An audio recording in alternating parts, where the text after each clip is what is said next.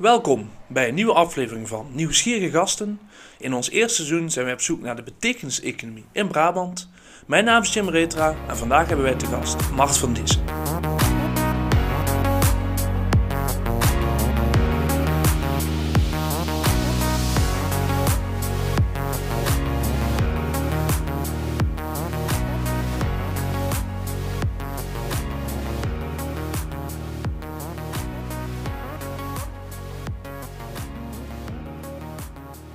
Welkom in onze podcast eh, show. Graag gedaan, dankjewel. Hartstikke leuk dat je bij ons uh, aanwezig wil zijn. Of ja, eigenlijk moet ik zeggen, ben ik bij jou hier te gast in, uh, bij de Muzeval in, in Eersel. Wat is dat, en dan de Muzeval in, in Eersel? De Muzeval is een voormalig theater. Gezien de samenwerkende gemeentes heeft het uh, gelegd om de naastliggende gemeente Begijk de te mm -hmm. gebruiken als theater met grotere voorstellingen. En de Museval die richt zijn eigen vooral op dit moment op verenigingen. Er komen ongeveer 32.000 bezoekers per jaar hier over de vloer. Zo, dat is uh, heel wat. Mart, even voor mijn, voor mijn luisteraars. Ik weet dat jij uh, kwartiermaker bent bij BC Brabant. Jij bent uh, mantelzorgmakelaar, heb je mij verteld. En je bent bezig met het gelukswinkeltje. Ja. Je bent een sociaal ondernemer, wordt vaak gezegd. Zou je daar iets meer over kunnen vertellen? De stichting BC Brabant uh, is een uh, stichting uh, die werkt volgens het organisatieprincipe achter blockchain.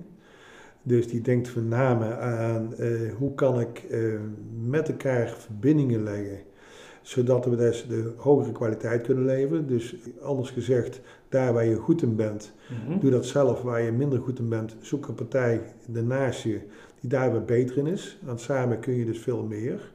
De stichting die zet zijn eigen in voor kwetsbare mensen. Mensen die, ja, die het moeilijk hebben. We willen niemand uitsluiten. Nee.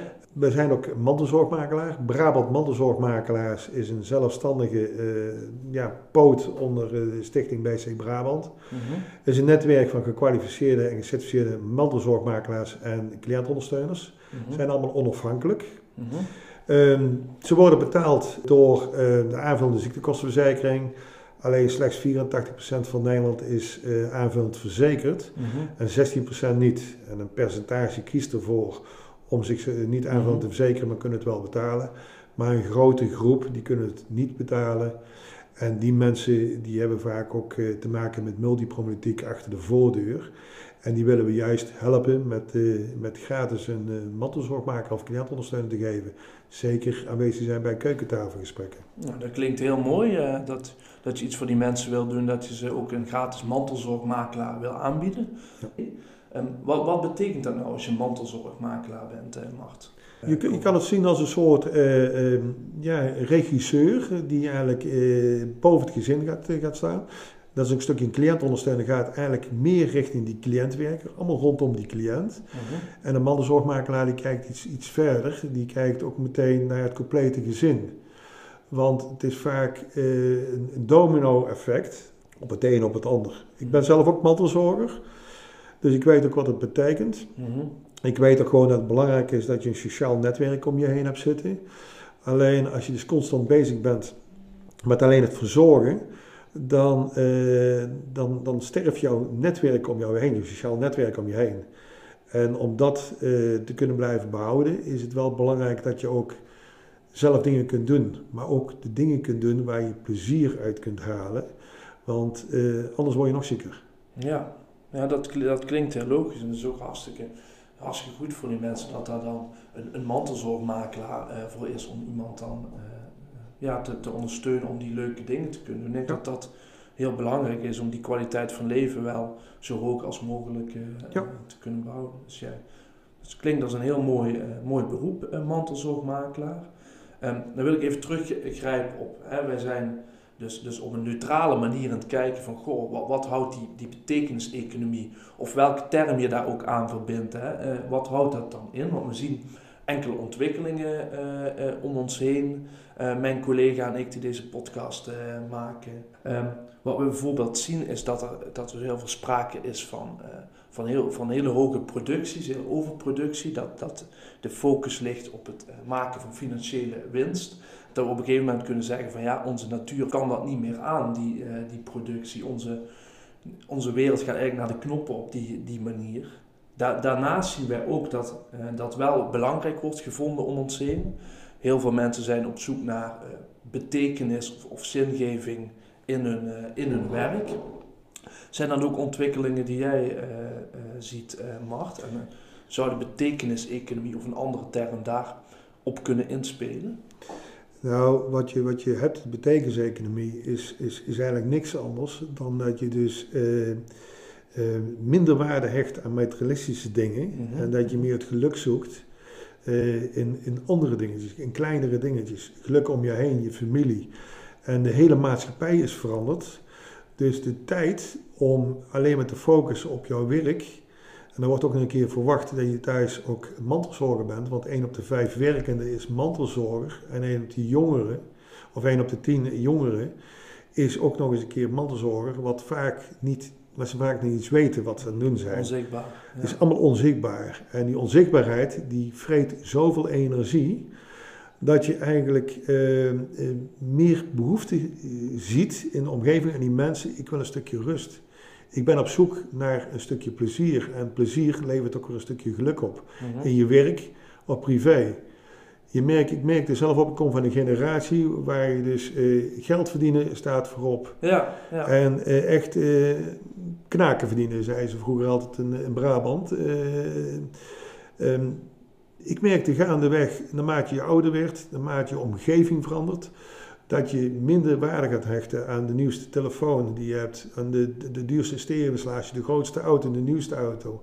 Het is allemaal heel erg betrekkelijk. Uh uh, je haalt veel want op het moment dat je de deur uitliep, dan was de waarde al uh, de helft uh, gedaald.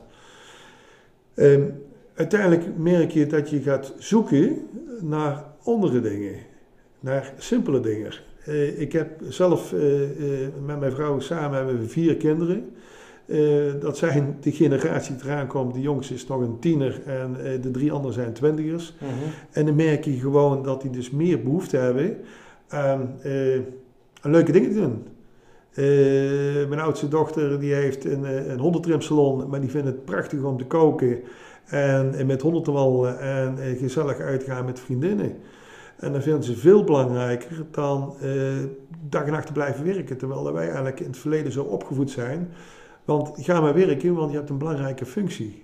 En je merkt dat um, het niet meer zo nodig is om veel geld te, te, nodig te hebben om gelukkig te zijn. En dat geluk um, veel meer voor kan je betekenen, uh, ook voor je gezondheid. Want de stress door een snelle economie um, die, die, die, die met zich meebrengt, die geeft zoveel pijn en ziektes en kwalen. Mhm. En dat merk je ook gewoon. Ik denk dat ook het voorbeeld is wat je dus ook ziet bij uh, de oude generaties, die ook, uh, ja, de dementie groeit alleen maar. Dan is ook een beetje de vraag van, komt die dementie niet voort uit het drukke bestaan wat wij vroeger altijd uh, kregen opgelegd?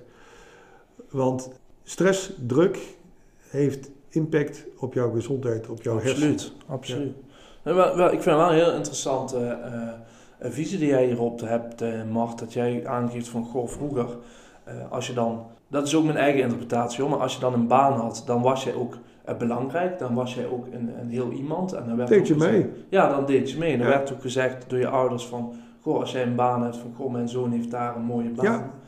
En, en ja, ik vind dat wel een, een mooie mooi iets dat jij uh, zegt. Jij zegt nou, mijn oudste dochter, die, uh, die heeft, krijgt daar bijvoorbeeld heel veel voldoening uit ja. van het, het, hebben van die, die ronde trimsalon. En daarnaast gaat hij graag op stap met vrienden. Ja. En dat dat, dat dat voor haar, dat dat dan ja, die betekenis zeg maar ja. geeft. Ja. Je ziet veel meer plezier. En zo heeft ieder kind bij ons haalt zijn eigen plezier op andere dingen. Terwijl je vroeger alleen maar bezig was, was het systeem elkaar, was ook het onderwijssysteem elkaar. Je moest maar door blijven leren, want dan kreeg je meer salaris en dan kreeg je dus een hogere functie. Mhm. En uh, leiding geven, dat uh, klinkt leuk, maar dat is ook een hele zware last. En uh, managers zijn uit, vooral bezig met tabelletjes, grafiekjes, draaiboeken te maken, verslagen te maken. Eh, dan geef je in één keer een, eh, de naam manager, maak je in één keer coach van. Maar de administratieve handelingen die zijn nog steeds heel belastend. En onlangs sprak ik nog een gezinsvoogd. Ik dacht van, goh, iemand met een hart op de juiste plek, die wil echt bezig zijn om gezinnen te helpen. Die heeft dan een half jaar bekeken, want eh, hij zegt van 80% van mijn tijd ben ik alleen maar administratie aan het vullen. En ik moet dus de, mijn, mijn slagen dusdanig schrijven dat die molen blijft dragen. En ik kan heel weinig, eh, ik kom te weinig in het veld om daadwerkelijk waar te nemen wat er echt gebeurt, de mensen echt te helpen. Zodat ik eh, gedwongen word een administratie zo in te richten dat ik geen risico's loop met het gezin. Mhm. Dus eigenlijk zijn we, eh, en hoop ik, op weg naar een transformatie Mhm. van minder administratie en minder eh, eh, betekenis geven aan het, eh, meer betekenis geven aan het geluk van de mensen zelf. Door ze te, te helpen. En met verbazing krijg ik ook iedere keer een reactie te horen. Van goh, wat jij bereikt bij mensen, eh, Mhm. dat lukt ons niet. En ik heb maar één antwoord. Ik heb niet te maken met al die administratie omheen. Ik ga gewoon met mensen in gesprek en ik vraag wat heb jij nodig om verder te komen. En als je een luisterend oor hebt en je gaat het verhaal achter het verhaal achterhalen en je kan dus het wijzen naar anderen wegnemen en bewust maken dat iedere verandering bij zichzelf begint, nou, dan zie je dus eh, mensen groeien en dan zul je dus heel veel kunnen. Nou, ik denk zeker dat jij mensen hiermee kan, eh, kan inspireren met de manier waarop jij deze dingen, deze dingen aanpakt, eh Mart. Het klinkt in ieder geval ja, als, als toch wel een, een, een, een vorm van de betekeniseconomie, zoals Ja, je dat nu... eh, Maar we lopen ook tegen spanningsveld aan. Absoluut. Een heel groot spanningsveld altijd. Van, als je dus kijkt, van eh 1 januari 2015 die heeft die transitie plaatsgevonden. En eigenlijk is het niks meer dan dat de overheid van de provincie naar de gemeentes alles over de schutting heeft gegooid. Mhm. Eh, want eigenlijk is er verder niks aan veranderd. Alleen je merkt gewoon dat eh, iedereen aan het zoeken is naar de juiste modus. En eh, de overheid, die zegt het zelf al, de gemeentes moeten een ondersteunende, faciliterende rol hebben. Maar ze willen nog steeds te veel sturen op het geld. En ehm, ja, want geld is wat ze uit moeten geven, daar ze op afgerekend. Terwijl als, als ze eens over na gaan denken, als je dus goede ondersteuning biedt, en er is zoveel mogelijk, en daar hopen we met Stichting BC Brabant ook te kunnen bereiken, Mhm. door ondersteuning te bieden, want een goed keukentafelgesprek, wat ik al vertelde, dat levert een constructief gesprek op, en met duidelijke, heldere afspraken, wat tijdbesparend is voor degene die de keukentafelgesprek voert vanuit de gemeente, maar ook nog een keer naar de resultaten toe. En als je dus een bruggetje slaat naar het gelukswinkeltje, ehm, daar hebben we. ehm, eigenlijk, als je, als je, ik, ik, vraag wel eens een keer aan mensen van: Goh, eh, kun je mij vertellen van hoeveel bejaardverenigingen hier in de buurt zitten? En waar vind ik die? En dan moeten mensen nadenken. En dan zie je wijkraden ontstaan, en buurtverenigingen, allemaal hele goede initiatieven. Daar zie je dus, eh, mensen moeten allemaal vrijwillig zijn voor elkaar. Maar wat ik altijd mis, Mhm. is namelijk dat, eh, eh, waar vind je een stukje geluk waar je leuk vindt? Een dartclubje, een biljartvereniging, een, een vereniging waar je terecht kunt, een zangclub. eh, eh, waar ken Wat ik een allemaal work is, hè, ja. Waar is het allemaal? Er is heel veel.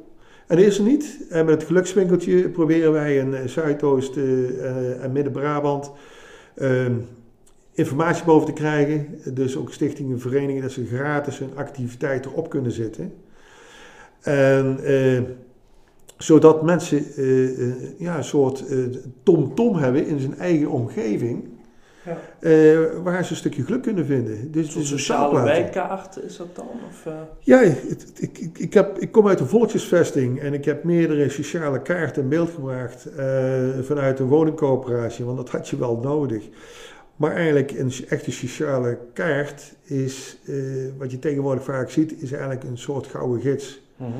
En je weet niet meer eigenlijk wat, wat, wat, wat, wat echt en goed is, betrouwbaar is, onbetrouwbaar is. En eh, mensen eh, die zijn ook angstig geworden door de verhalen om je heen.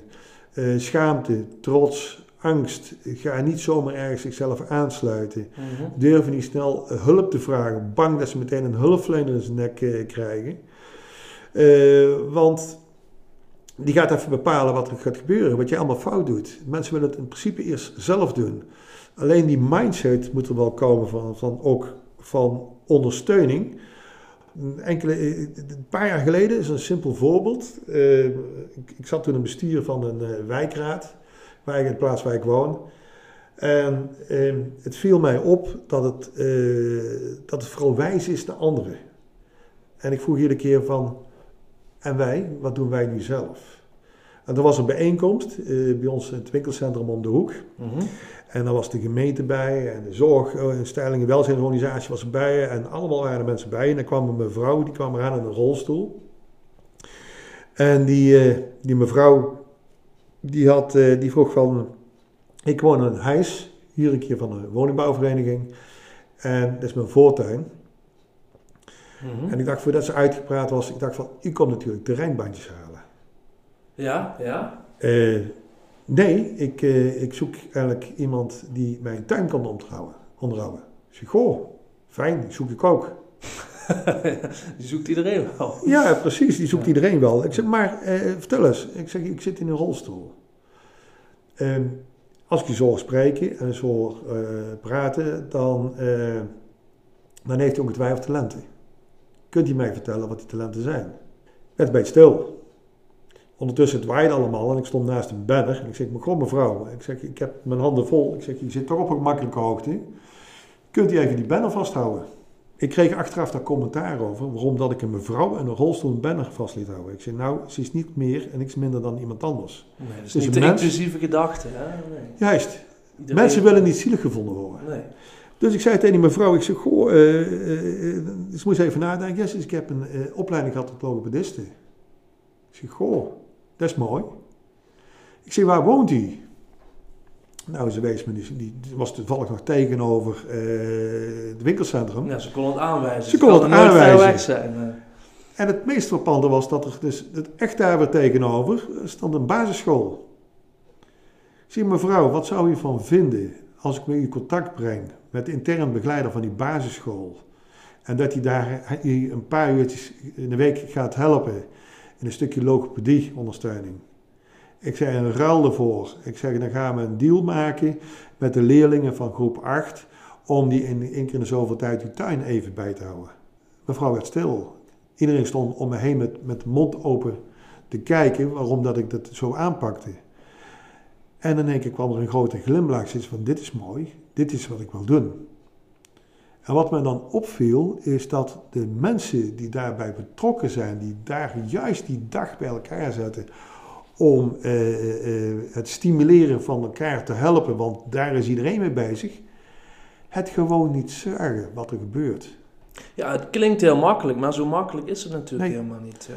Ja, je hebt ook, vandaar ook dat ik kwartiermaker coördinator ben. Ik, ik heb als zelfstandig ondernemer heb ik uh, vanaf 99 werk ik al. Mm -hmm, uh, ik heb een uh, hoge functie bekleed in woningcoöperaties. Ik heb, ik heb meer dan 80 projecten gedraaid. Ik heb hele leuke projecten gedraaid, ook daarnaast, omdat ik het leuk vind, heel belangeloos. En ehm, mijn droom die was ook, van, ik ben nu eh, bijna 59, dat ik met mijn 55ste iets anders ging doen dan alleen maar geld verdienen. Ik wilde dingen gaan doen waar ik gelukkig van werd. En waar ben ik gelukkig van? Dat ik mensen een grote smaal op zijn gezicht kreeg. Mhm. Dat ik mensen zag groeien. Dat mensen uh, uh, zelf stappen vooruit kon maken. Ik ging het werk niet overnemen. En ik was altijd heel simpel. Ik ben er niet om jou constant te helpen en alles voor jou te doen. Ik ga jou helpen om jou het zelf te leren. En uh, om dat te gaan doen heb je, precies wat je zegt, het is niet makkelijk heb je dus een kwartiermaker, coördinator nodig die het gelijk in beweging brengt. Ja, zonder jou hadden ze het niet gedaan. Dus, uh, nee.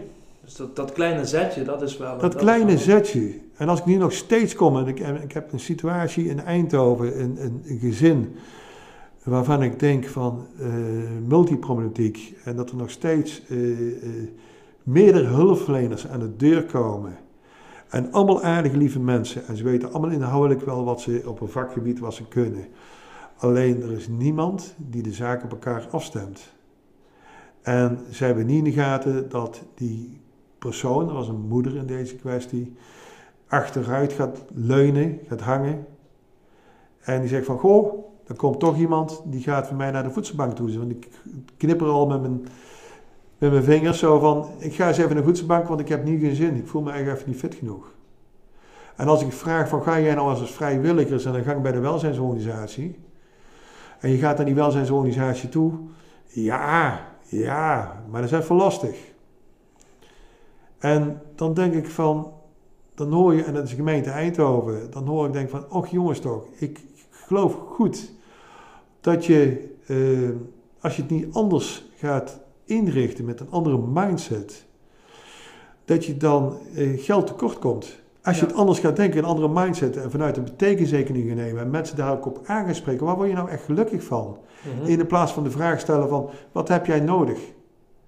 Als hulp. Dat is een wezenlijk andere vraag. Dat is een totaal andere vraag. En als je die vraag stelt, het is een positieve benadering van iemand van, om, om blij te maken. Van, waar word je nou gelukkig van? Want alles waar je gelukkig van wordt, word je blij van.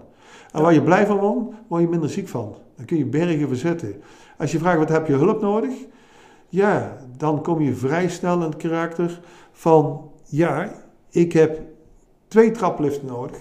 In plaats van één traplift, want mijn dochter slaapt op de tweede verdieping. Terwijl ik zeg van, goh, zullen we eens gaan kijken of jouw dochter ook op de eerste verdieping kan slapen. Want waar gaat het om? Je gaat de primaire basisbehoeftes dat jij vooruit kan, maar we gaan er geen luxe file van maken. Nee. nee. Hm. Ja, dat klinkt, uh, klinkt heel interessant en ik, hele mooie voorbeelden die jij ook, uh, Dankjewel. Die jij ook geeft. En Martje geeft aan dat jij ook andere functies hebt uh, bekleed. Mijn idee is dat je eigenlijk zo gradueel bent overgegaan naar het, naar het sociaal ondernemerschap. Ja. Klopt dat? Of, hoe is die ontwikkeling geweest? Waarbij je dan bijvoorbeeld tegenaan gelopen op die switch? Ik, ik, ja, toen ik van school afkwam en ik, was, ik heb echt tot mijn veertigste constant zitten leren. Mhm, mhm. Want ik wist bijvoorbeeld niet wat ik wilde.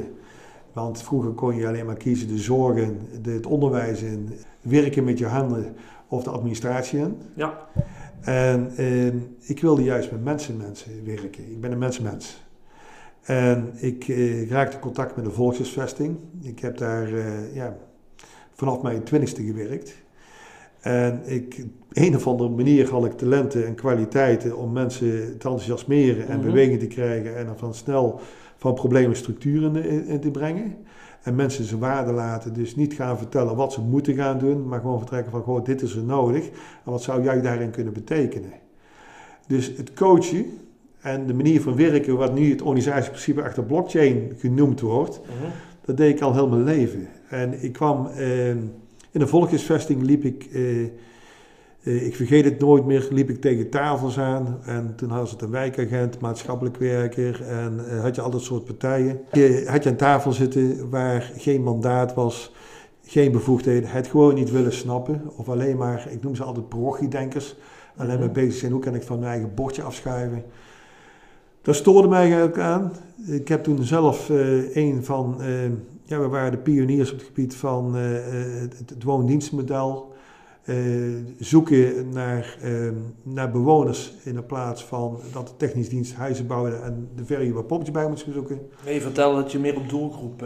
ik ging naar richting doelgroepen en ik dan gewoon luister en kijken en observeren en kijken wat je mee kan doen. En toen, ik, ik, heb het verenigingswerk altijd bezig geweest, mm -hmm, al jarenlang, altijd actief, ook al belangeloos. Jarenlang ben ik voorzitter geweest van Stichting Gewoon Kracht een aantal professionals belangeloos inzetten om burgerinitiatieven mee van de grond af te krijgen.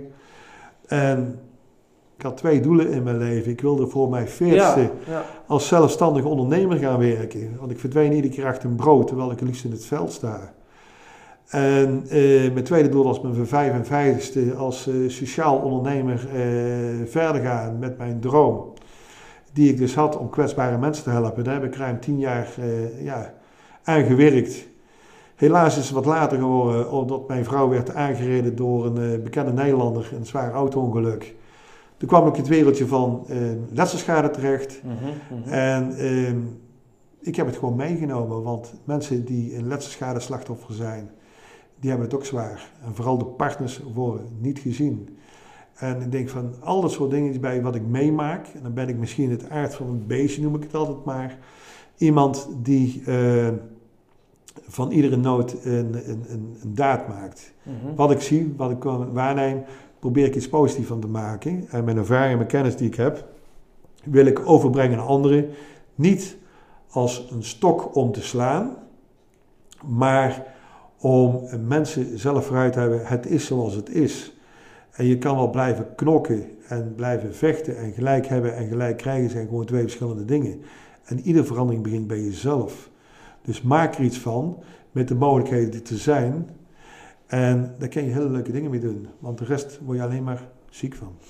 En Mart, dat zeg je heel mooi. Het is natuurlijk een, heftige levensgebeurtenis uh, waar je het over hebt. Maar wat ik uh, fascinerend vind, is dat jij zegt van... Goh, als dan zoiets gebeurt, dan wil ik daar ook alles over weten. En wil ik zelf eigenlijk expert worden op die thema's die mij persoonlijk in mijn leven raken. Ja. Dat vind ik wel, wel heel ja. bijzonder. Dat je dan bijvoorbeeld een, ja. een opleiding daarvoor gaat volgen. Dat je daar dan alles over, alles over wil weten. Ja.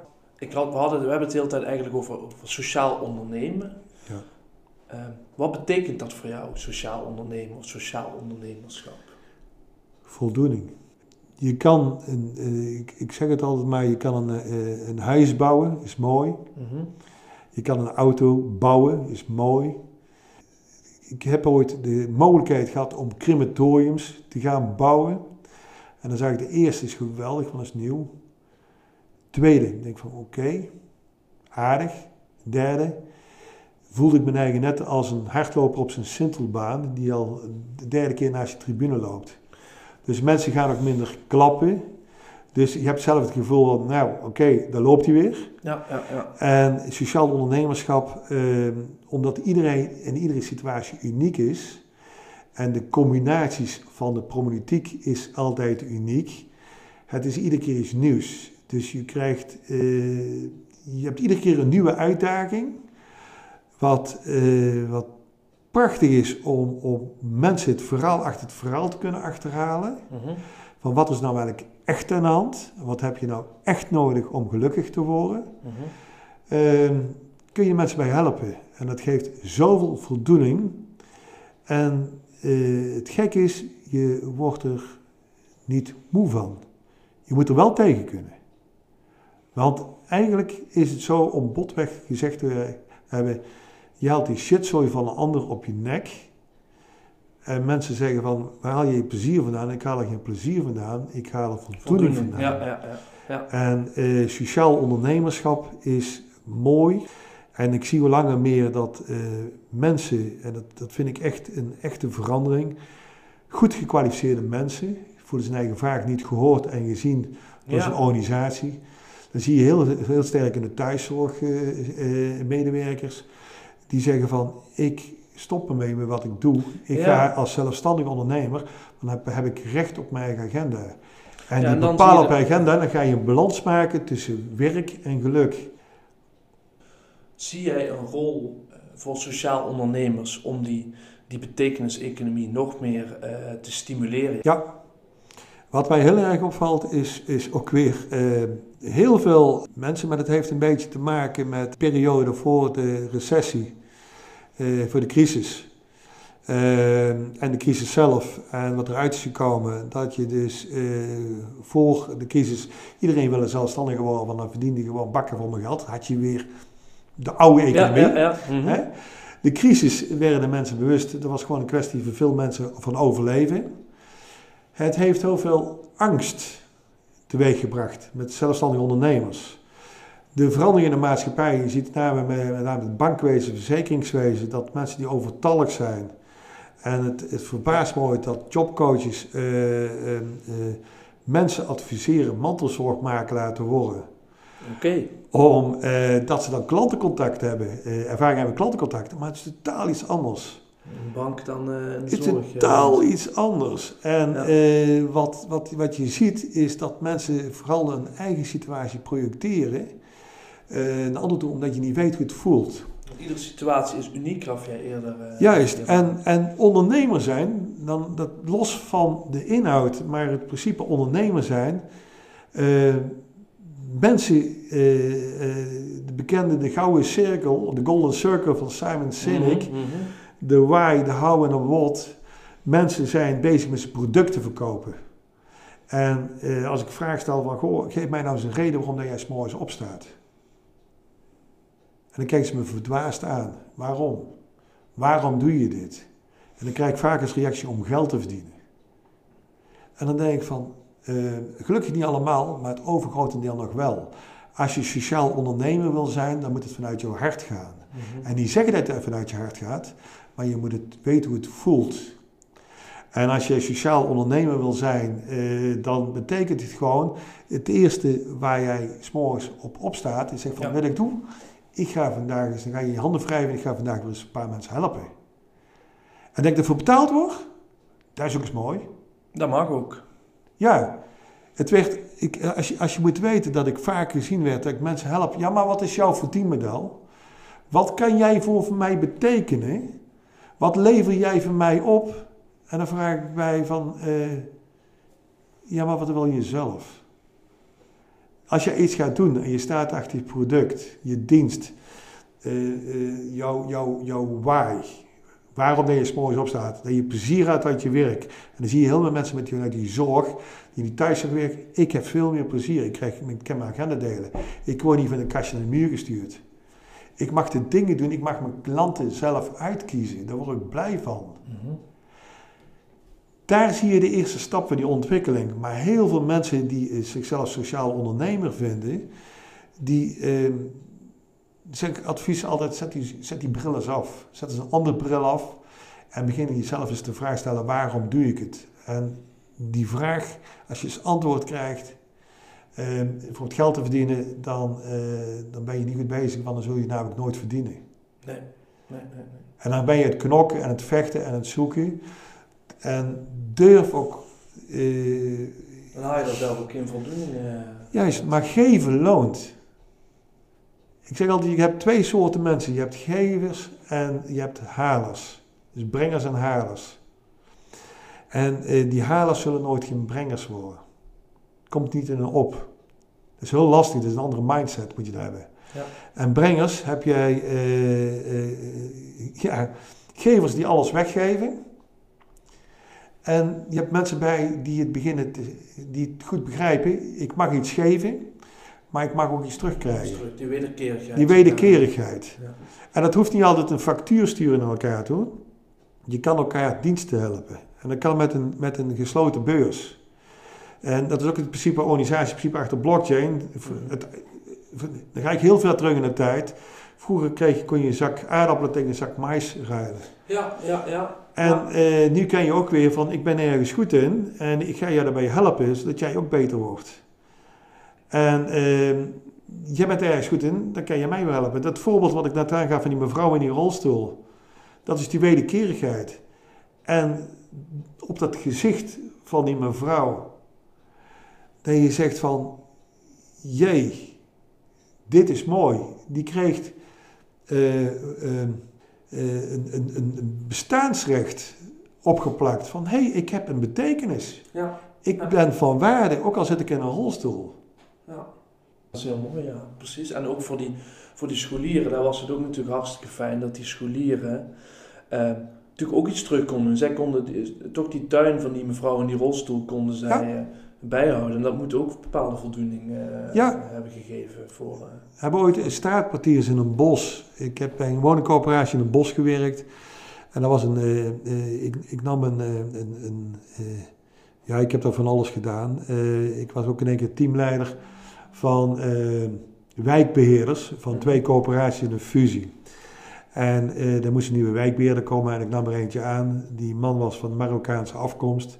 Die had eh, niet eh, een, een, een Duitse naam, zal ik het zo vertellen. Een Duits Holland naam, zeker niet. Nee. En die man die kwam vanuit een politieschool, eh, had hij opgezeten en die zegt van, hier pas ik niet tussen. Ik ben een mensenmens. En als ik alleen maar volgens protocolletjes en procedures moet werken, word ik ongelukkig. Ik moet nog zelf na kunnen denken. Ik wil geen robot zijn. Dat verhaal sprak mij aan. En die man die werd het afvoerputje van zijn collega's. En uiteindelijk heb ik hem eh, aan het handje geholpen en, en, en meegenomen. En eh, ik heb hem zien groeien als een van de beste eh, wijkbeheerders van, van, van, van de coöperatie. Ja, geweldig. Ja. En met die goede man hebben we ooit straatpartiers opgezet. Dat was basisschooljeugd. En dan praat ik over bijna tien jaar terug in een kruiskamp. Mensen kunnen het waarschijnlijk wel herinneren. Mhm. Basisschooljeugd met een vuilniszak en een prikker. Dan gingen we in de buurt gingen we gewoon huis, eh, zwerfval opruimen. En de plaatselijke super die zorgde voor een zakje chips of eh, wat iets lekkers. Ja, ja, ja. ja. En eh, dat is uitgegroeid tot, tot een, een, een, een- een- De woningcoöperatie had een, een, kader van een slopen wat enkele leeg staan. En een wijkraad, want daar was die wijkbeheerder wel actief in om de Mhm, mensen te mhm. motiveren. Dit is een Marokkaanse man. Ja, die had vrijwilligers. Had die, waren er voldoende. Maar ze hadden geen werk. Want vrijwilligers vinden is niet zo moeilijk. Als je door je naaste gevraagd wordt. Maar Maar bijhouden, eh, het onderhouden, ja. eh, dat is vele malen moeilijker. En ehm, we kwamen erachter dat de politie die had eh, fietsen eh, die, die ooit gestolen waren, die nooit op werden gehaald. En daar waren vrijwilligers die eh, twee rechtse handen hadden. Dat was een padje leeg. En er was een eh, super die graag wilde ondersteunen met een kopje koffie en wat dat soort dingetjes. En we hadden een fietsenbank opgezet. En mensen konden een fiets kopen tegen uren vrijwilligerswerk en daar de dingen waar ze goed in waren. En die konden ze vaak kopen wat ze wilden. van de betekeniseconomie, denk Ja. ik, al tien jaar geleden. Mart, ik denk dat onze luisteraars bijna klaar zijn met strijken of bijna eh, met de auto zijn, eh, zijn Ja, gearriveerd. dan kunnen ze bij mij langskomen. Ik heb nog wat strijkers goed. Precies, kunnen ze nog een podcast eh, luisteren. Eh, ik heb nog één vraag voor jou, Mart. Ja. Is er iemand eh, die jij zegt van, goh, die zouden jullie nog moeten spreken in het kader van die betekenis-economie? Ja, dat is eh, Paul van der Meer. ja? Dat is een eh, eh, ambulant medewerker in de GGZ. Oké. En deze man die is sinds kort ook eh, voor zijn eigen begonnen. Mhm, mhm. Gedeeltelijk, want ja, hij heeft ook zijn gezin onderhouden. Je weet wel hoe dat gaat. Hij heeft een schitterende hobby. Die maakt eh, straatfoto's. Oké. En die man die, die, die gaat constant de dialoog aan met beleidsmakers en gemeentes te zeggen van het belang van luister eens naar de cliënt. Ga er eens, eh, eh, eh, probeer het er eens anders in te zien. Kijk eens wat verder dan alleen maar je eigen tuintje. Kijk eens over die schutting heen. Ja, En kijk wat je kunt bereiken als je het anders gaat organiseren.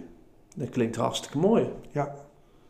Nou, zullen we kijken of we hem kunnen benaderen of hij ook een keer te gast wil zijn in onze podcast. En kijken of we die, dat begrip, die betekenis-economie, nog meer, nog meer invulling eh, Ja. Kunnen geven. Dat zou hartstikke leuk, eh, leuk zijn. Mart, dan wil ik jou echt hartelijk danken dat jij te gast wilde zijn. Super fijn dat ik hier eh, aanwezig kon zijn eh, bij de Muzeval in, in Eersel. Beste luisteraars, dank voor het luisteren. Ik hoop dat jullie het, het leuk hebben gevonden. Eh, mochten jullie nog reacties hebben, dan kunnen jullie op onze Twitter of onze LinkedIn kunnen jullie, reageren. En dan kunnen jullie vragen meenemen voor de volgende keer en jullie suggesties. En dan zien jullie volgende week.